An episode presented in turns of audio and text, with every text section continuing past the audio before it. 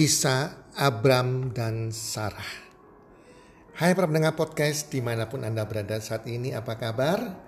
Harapan dan doa saya semoga teman-teman semua bersama keluarga dalam keadaan sehat walafiat selalu dan berbahagia selalu. Dan pasti-pastinya rezeki Anda akan makin bertambah dari hari ke hari, bulan ke bulan.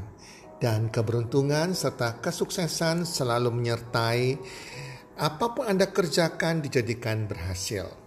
Para pendengar podcast, podcast kali ini saya akan menseringkan, menceritakan sebuah kisah true story yang pernah saya dengar sudah agak lama teman-teman ya. Jadi ini sangat inspiratif sekali, cuma saya sudah lupa di mana tepatnya tempat kota terjadinya peristiwa ini maupun siapa nama uh, yang orang yang akan saya ceritakan ini. Sehingga saya kasih nama samaran Abram dan Sarah.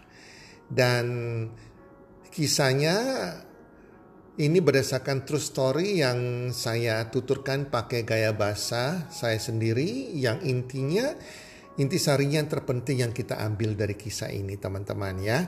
Teman-teman ada seorang pria yang namanya Abram.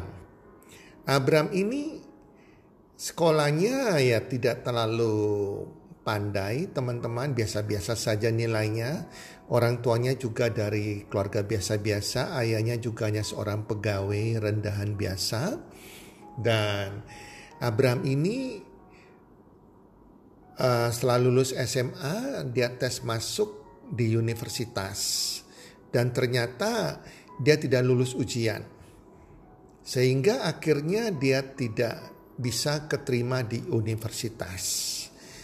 Kemudian karena dia sudah cukup lama berpacaran dengan Sarah pacarnya sejak dari bangku SMA, akhirnya dinikahkan oleh kedua orang tuanya. Sarah pun dari keluarga yang miskin juga.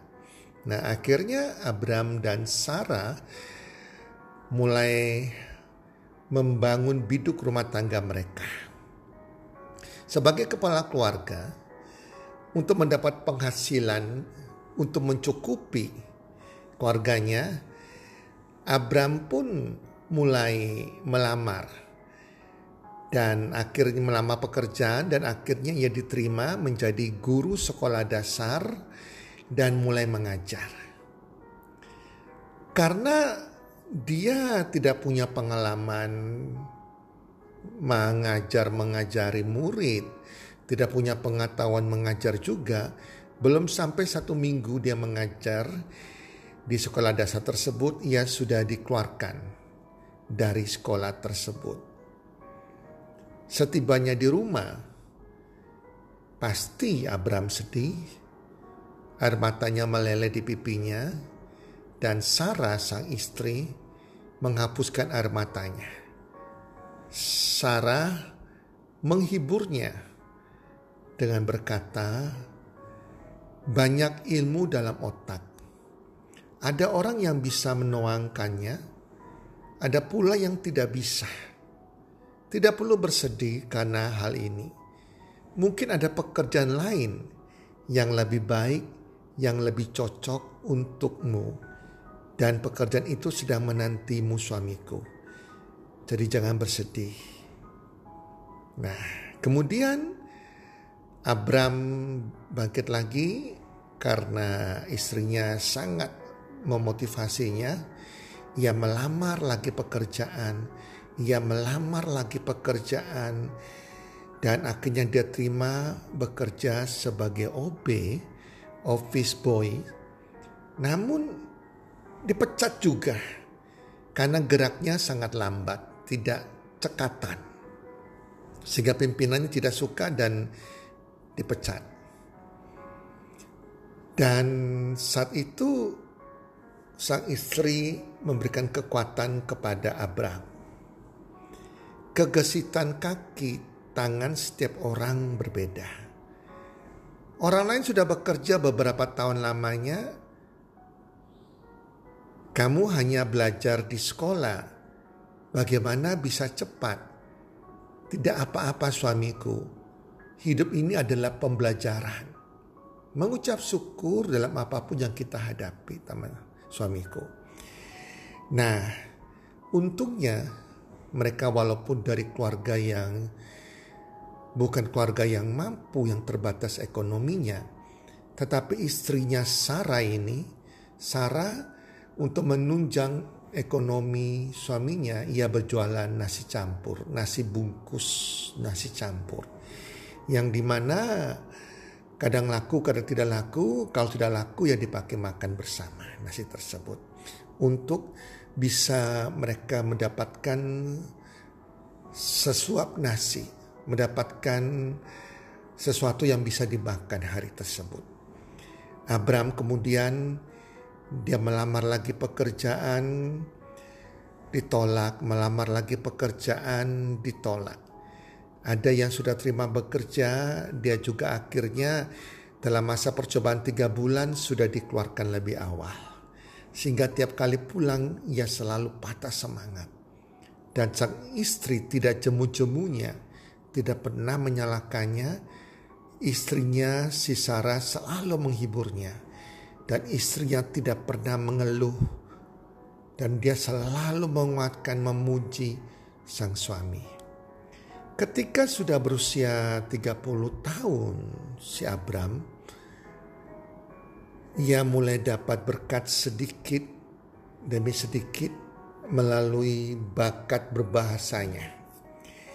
Abram ini sempat menjadi travel guide lokal sehingga dengan bahasa Inggris yang terbatas dia bisa mendapatkan berkat sedikit demi sedikit dari orang-orang yang memakai tenaganya sebagai travel lokal, travel guide lokal.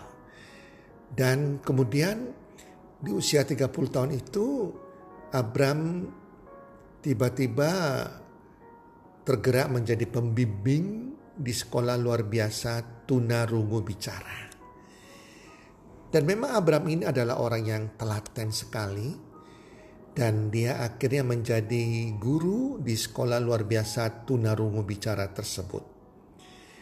Kemudian dari menjadi guru itu kemudian Abraham membuka sekolah siswa cacat dan akhirnya ia bisa membuka banyak cabang toko yang menjual alat-alat bantu untuk orang cacat di berbagai kota. Dan tanpa disangka akhirnya si Abram ini menjadi bos yang memiliki kekayaan yang makin bertambah karena toko yang makin banyak cabang-cabangnya yang menjual alat-alat bantu untuk orang cacat. Dan suatu hari si Abram ini yang sekarang sudah sukses besar bertanya kepada sang istri.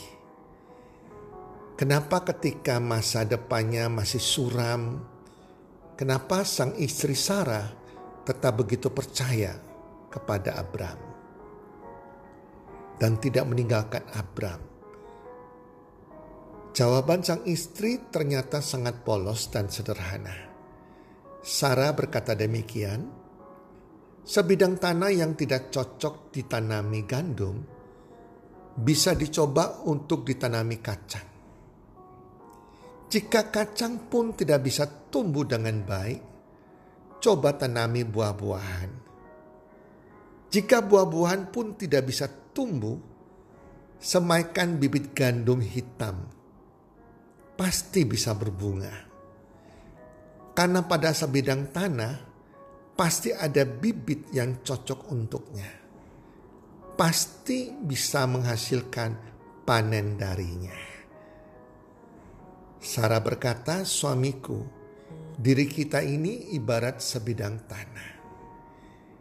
Kalau ada pekerjaan satu tidak cocok, diganti lagi pekerjaan yang lain, tidak cocok juga pasti selama kita tidak berputus asa, pasti ada ketemu sebuah pekerjaan, ibaratnya sebuah bibit yang cocok untuk kita. Mendengar penjelasan sang istri, Abram mengeluarkan air mata terharu. keyakinan kuat sang istri, ketabahan serta kasih sayang sang istri bagaikan sebutir bibit unggul. Semua prestasi dirinya adalah berkat keajaiban bibit unggul yang kokoh hingga bertumbuh kembang jadi kenyataan. Para pendengar podcast, di dunia ini tidak ada seorang pun yang hanya sekedar sampah. Dia hanya tidak berada di posisi yang tepat. Setiap kita adalah orang yang hebat, yang memiliki kelebihan. Terkadang kita tidak sadar kelebihan kita apa. Yang penting kita terus berusaha, terus berusaha, sehingga menemukan sesuatu yang tepat untuk kita. Jangan putus asa. Selalu bersemangat. Selalu bersemangat. Walaupun keadaan hari ini belum menunjukkan sesuatu yang cerah. Tetap punya pengharapan. Para pendengar podcast sebelum saya akhiri cerita saya ini saya akan bagikan ada sekitar 8 coach yang menurut saya sebagai intisari kehidupan kita yang kita bisa resapi dan lakukan. Yang pertama, orang yang tidak tahu menghargai sesuatu, biarpun diberi gunung emas, tidak akan bisa merasakan kebahagiaan. Yang kedua, orang yang tidak bisa toleran, seberapa banyak pun temannya, akhirnya akan sendirian. Yang ketiga, orang yang tidak tahu bersyukur, seberapa pintar pun dia, ia tidak akan sukses. Yang keempat, orang yang tidak bertindak nyata, yang tidak melakukan action, seberapa cerdas pun, seberapa pandainya dia, ia tidak akan mencapai cita-citanya. Yang kelima, orang yang tidak bisa bekerja sama dengan orang lain, seberapa giat pun kerjanya, ia tidak akan mendapatkan hasil yang optimal. Yang keenam, orang yang tidak bisa menabung, dapat rezeki terus menerus, dapat rezeki yang banyak pun, ia tetap tidak akan bisa menjadi kaya. Yang ketujuh, orang yang tidak bisa merasa puas, yang tidak pernah merasa puas, seberapa kaya pun ia tidak akan merasa bahagia. Yang kedelapan, orang yang tidak bisa menjaga kesehatan, berobat terus pun, ia tetap tidak akan berusia panjang. Para pendengar podcast, semoga kisah Abram dan Sarah dan 8 coach tadi bisa menjadi berkat bagi Anda semua. Itu dari saya dan salam sukses. One, two, three.